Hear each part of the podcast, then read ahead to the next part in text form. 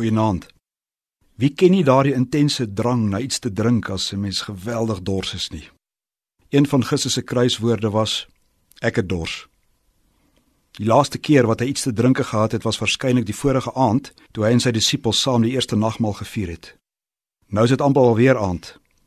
Tussenin lê die onbeskryflike liggaamlike marteling aan die kruis. Dis logies dat Christus dors geword het. Maar was hy nie ure tevore ook al dors nie?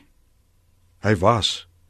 Enkele oomblikke voor sy kruisiging het die soldate vir Christus 'n mengsel van wyn en gal gegee om te drink, 'n mengsel wat vir elke gekruisigde persoon aangebied is. Dit werk soos 'n verdowingsmiddel, baie effektief. Want as die gekruisigde dit in het, dan kan hy 'n hele ruk so in 'n semi-bewustelike toestand aan die kruis hang voordat die pyn hom bewusteloos maak en hy wegraak in 'n koma en hy doodgaan.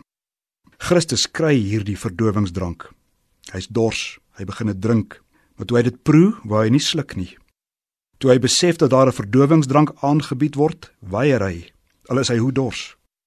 Hy moet God se regverdige oordeel oor ons sondes volkome dra en wegdra. Hy mag nie onder verdowing wees nie. 3 ure later, omdat Christus geweet het dat alles volbring was, het hy gesê: Ek het dors. Christus het geweet Hy het aan die eis van sy Vader voldoen. Tydens 3 ure donker is die regverdige toorn van God oor ons sondes volkome gedra, dus weggedra, en nou mag hy drink om sy dors te les. Nou is dit die Vader wat hom iets te drink gee. Nie meer soldate wat hom verdoof nie. Dit lyk so gewoon om jou dors te les. Jy draai die kraan oop, die water stroom. Om jou honger te stil lyk net so gewoon. Die winkelrak is vol brood, die kaste het kos in. Jy drink as jy dors is, jy eet as jy honger word, gewoon. Gewoon? Nie in die lig van die vyfde kruiswoord nie. Elke slukkie water, elke mondvol kos is ongewoon, dis genade. Christus het dors gehad aan die kruis. Hy het te drinke vir my om vir ons die pad na die kraan oop te maak.